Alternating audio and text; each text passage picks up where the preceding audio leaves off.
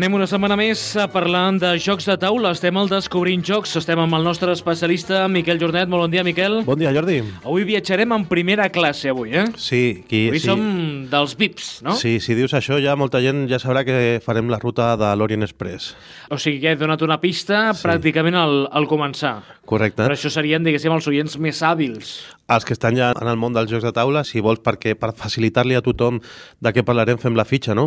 Fem la fitxa. El títol del joc. Primera classe, un viaje en el Orient Express, de 2016. Eh, L'autor, Helmut Oley, l'artista gràfic, el dissenyador, Michael Menzel. Un, l'editorial? Un dels grans.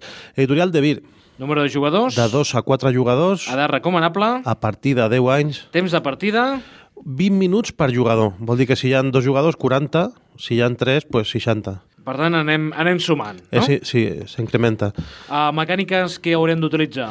Aquí és un joc de draft de cartes, eh, que és això de triar diferents cartes de- d'algunes disponibles, moviment punt a punt, set collection i construcció de rutes. Quin preu tindria? 45 euros en botiga. déu nhi nota del joc. Ara mateix té un 7,7 a la Board Game Geek, que és la comunitat més gran de jocs de taula a internet, i el rànquing general està al 638. A qui agradarà aquest joc de primera classe, un viaje en el Orient Express? Doncs agradarà a aquelles persones que busquen un joc de cartes modular i amb un rerefons ferroviari. També els amants dels combos i els Eurogames de pes mig han de provar-ho sí o sí. Que s'estingui aquella gent poc endreçada a l'hora de guardar-ho tot allà on toca, perquè sí que has de recollir les cartes i posar eh, cartes tipus A, tipus B, tipus C, després has de reordenar tot i, i bueno, és, és l'única pega que té el joc, perquè és boníssim. Suposo, Miquel, que quan tu jugues ets d'aquelles persones que després eh, és el primer que recull tot, no? Sí, i Hi m'agrada... jugadors que juguen i després ja recollirà un altre. Tinc pressa, no? Mm, Jo tinc una mania que m'agrada recollir a mi, perquè dic, ostres, a veure si em dobleguen una carta o si em perden algun component i dic, no, no, si algú tranquils. doblega una carta, eliminat el joc, Eh, directament. I del meu grup de... I sense mirar les regles, sí, no? Sí, sí, sí. eh, el joc està molt bé perquè porta un inserto que facilita molt guardar-ho tot allà on toca. Clar, aquí hauríem de fer una crida a les editorials, les empreses que fan jocs de taula, que facin capses on tot es pugui guardar perfectament i que no et caigui. Sí, sí, sí, com el cacau, que havies de guardar una mica... El... Tu ja ho saps. Sí, però m'ho has dit després d'haver tirat el cartró. Doncs no, no, cada vegada ho tenen més en compte, eh? Molt bé, en primera clase te pondrás en la piel de un ambicioso empresario que espera competir codo con codo con George Nagel Makers, fundador y promotor del Orient Express. Al igual que él, intentarás atraer al mayor número de pasajeros adinerados para que tu compañía de trenes alcance un gran prestigio. Para ello, deberás disponer de unos cuantos vagones bien lujosos que permitan ofrecer el mejor viaje hasta la lejana Constantinopla. Durante la partida contarás con muchas opciones y caminos que podrán conducirte hasta la victoria. Incluso si solo te dedicas a crear un tren que resulte atractivo, puede que las cosas te salgan bien. Pero cuidado, en el Orient Express no siempre viaja gente distinguida. En algunos casos es posible incluso llegar a cometerse un asesinato. Agatha Christie. Sí, sí, sí, sí. Té aquesta reminiscència cinematogràfica, bueno, de, o, o literària. A mi és un joc que m'agrada, hem dit lo de un joc de cartes modular, i això està molt bé, perquè et diu que per jugar sempre has d'agafar uns mazos de cartes que són estàndard i després d'altres que et proposa el joc els pots barrejar. I això et dona múltiples combinacions. Una d'elles és aquesta de l'assassinat, que incorpora com un jugador d'ami que, que, pot, eh, bueno, que pot ser l'assassí, que pot guanyar, que pot guanyar punts i treure-li altres jugadors, que també dona penyores als altres jugadors. Afegeix una, això una trama eh, mecànica totalment diferent a si jugues amb, amb unes altres cartes que no hi ha l'assassí, que, que has de complir uns objectius diferents i tal. I això està molt bé. Una de les curiositats que té és que bueno, l'autor aquest, el Helmut Oley, ja comença a ser molt conegut en el món dels Eurogames, que són els jocs d'aquest tipus, eh, jocs alemanys, d'això d'optimització, de gestió de recursos, de gestió de mata, perquè bueno, va fer Russian Railroads, que va sortir per De Beer també, eh, Tramvia, que va sortir per SD Games, i aquest First Class, que també acaba de sortir ara per De Beer, però és un autor que ve d'un món de jocs, d'un estil de jocs que és com un nínxol dins del nínxol, que són els jocs que es diuen 18XX, 18XX, que són jocs de trens, de, de comprar accions de companyies ferroviàries, de vendre-les, de, de traçar rutes i tal, i que són jocs de, de, de 3-4 hores tranquil·lament.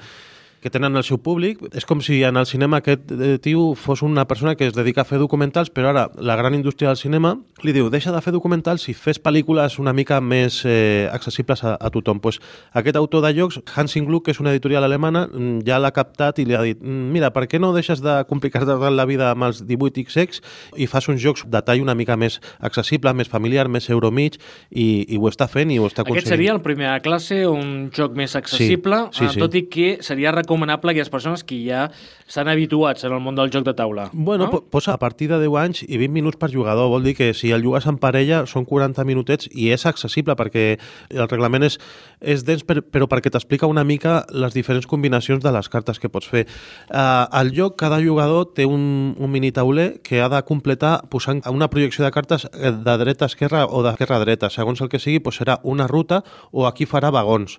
Eh, tindrà dos maquinistes o dos revisors que han d'anar passant per tot el tren i, i arribar fins a, a la locomotora, que això representaria que han arribat a Constantinople.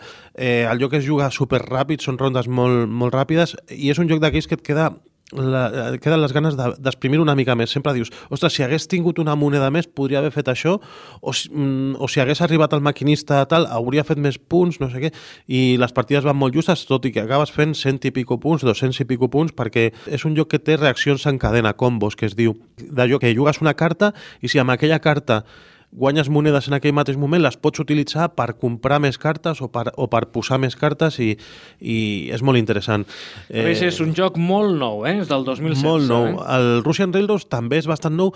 Jo diria que la gent, eh, per començar amb, amb els jocs d'aquest autor, eh, primera classe, tramvia, el que passa és que tramvia és un joc només per a dos jugadors, però primera classe eh, de 2 a 4 o tramvia, per començar, si li agraden, que tirin pel Russian Railroads, que és un joc una mica més exigent. Doncs, eh, home, nosaltres farem una partida amb aquest eh, primera classe, un viatge en el Orient Express. Ens agraden els jocs de, de trens, vull dir, això no només l'aventura és el tren, eh, sinó molts que ens has recomanat aquí en aquest programa i aquest home, el trobo molt, molt, molt complet. Ens haurem de mirar bé les instruccions al, al, a l'inici, evidentment, de, de jugar una partida.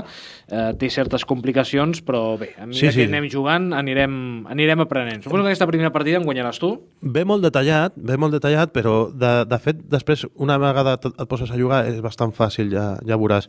M'agrada aquest joc eh, pel que has comentat a l'inici, eh, del, de, de l'espai, de que mm, normalment les caixetes han d'estar col·locades en un, en un lloc, eh? hi ha editorials que ho aconsegueixen més que, que d'altres, i aquí, en el llibre d'instruccions, al final diu el inserto, cómo se guardan los componentes, i t'indica on has de guardar doncs, eh, les Cada- fitxes, les targetes del jugador inicial, les monedes, etc etc. És superimportant perquè tu agafes eh, piles de cartes i les, eh, les has de tenir ben ordenades no? per poder-les agafar. Imagina't que les tinguessis totes juntes i haguessis de buscar-les.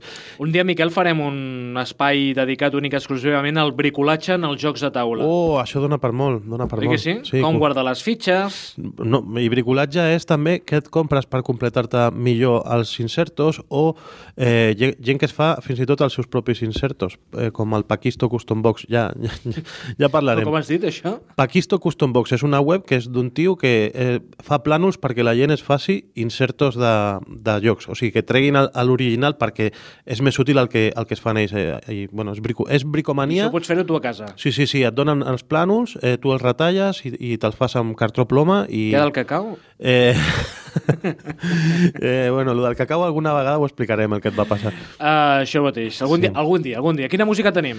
Doncs mira... Eh... Un gran joc i l'expansió molt recomanable. Sí, sí, cacau. sí, el cacau està molt bé. Eh, Com això ve de l'Orient Express, hem triat un episodi de la vuitena temporada, el vuitè episodi de la vuitena temporada de Doctor Who, que es diu Momia en l'Orient Express, i és una versió d'una cançó de, de Freddie Mercury, bueno, de, de Queen, cantada per una cantant que es diu Foxes. I'm a racing car buzzing by like Lady Godiva. I'm gonna go, go, go. There's no stopping me. És el Don't Stop Me Now, però amb un ritme de jazz que, home, ens agrada. Que eh? dins de l'Orient. Express, imagina't el concertet en en un vagó, mm, entra, doncs eh? li direm al Vicenç aquesta cançó que pugui ser escollida per la versió desconeguda. Stop me now. I'm having such a good time. I'm having a ball. Doncs que no pari. Miquel, anem a fer aquesta partida, anem a, a fer un viatge en l'Orient Express, a veure si aconseguim doncs, tenir gent en els nostres vagons, eh? I famosos, perquè Clar, també... espereu que vinguin amb els meus, no en els teus, així guanyo jo la partida. Que no ens aturin mai, no?, aquest tren. Que no ens aturin mai aquest espai de Descobrint Jocs. Més de 100 edicions portem ja, eh? 136 és aquesta. 136. Les porto comptades. Ara faria, diria que frase de com passa el temps, Sí, Miquel. sí, sí. Fins la propera. De... I'm a sex machine, ready to reload. Like an atom bomb, I'm about to oh, oh, oh, oh, oh, explode. I'm burning.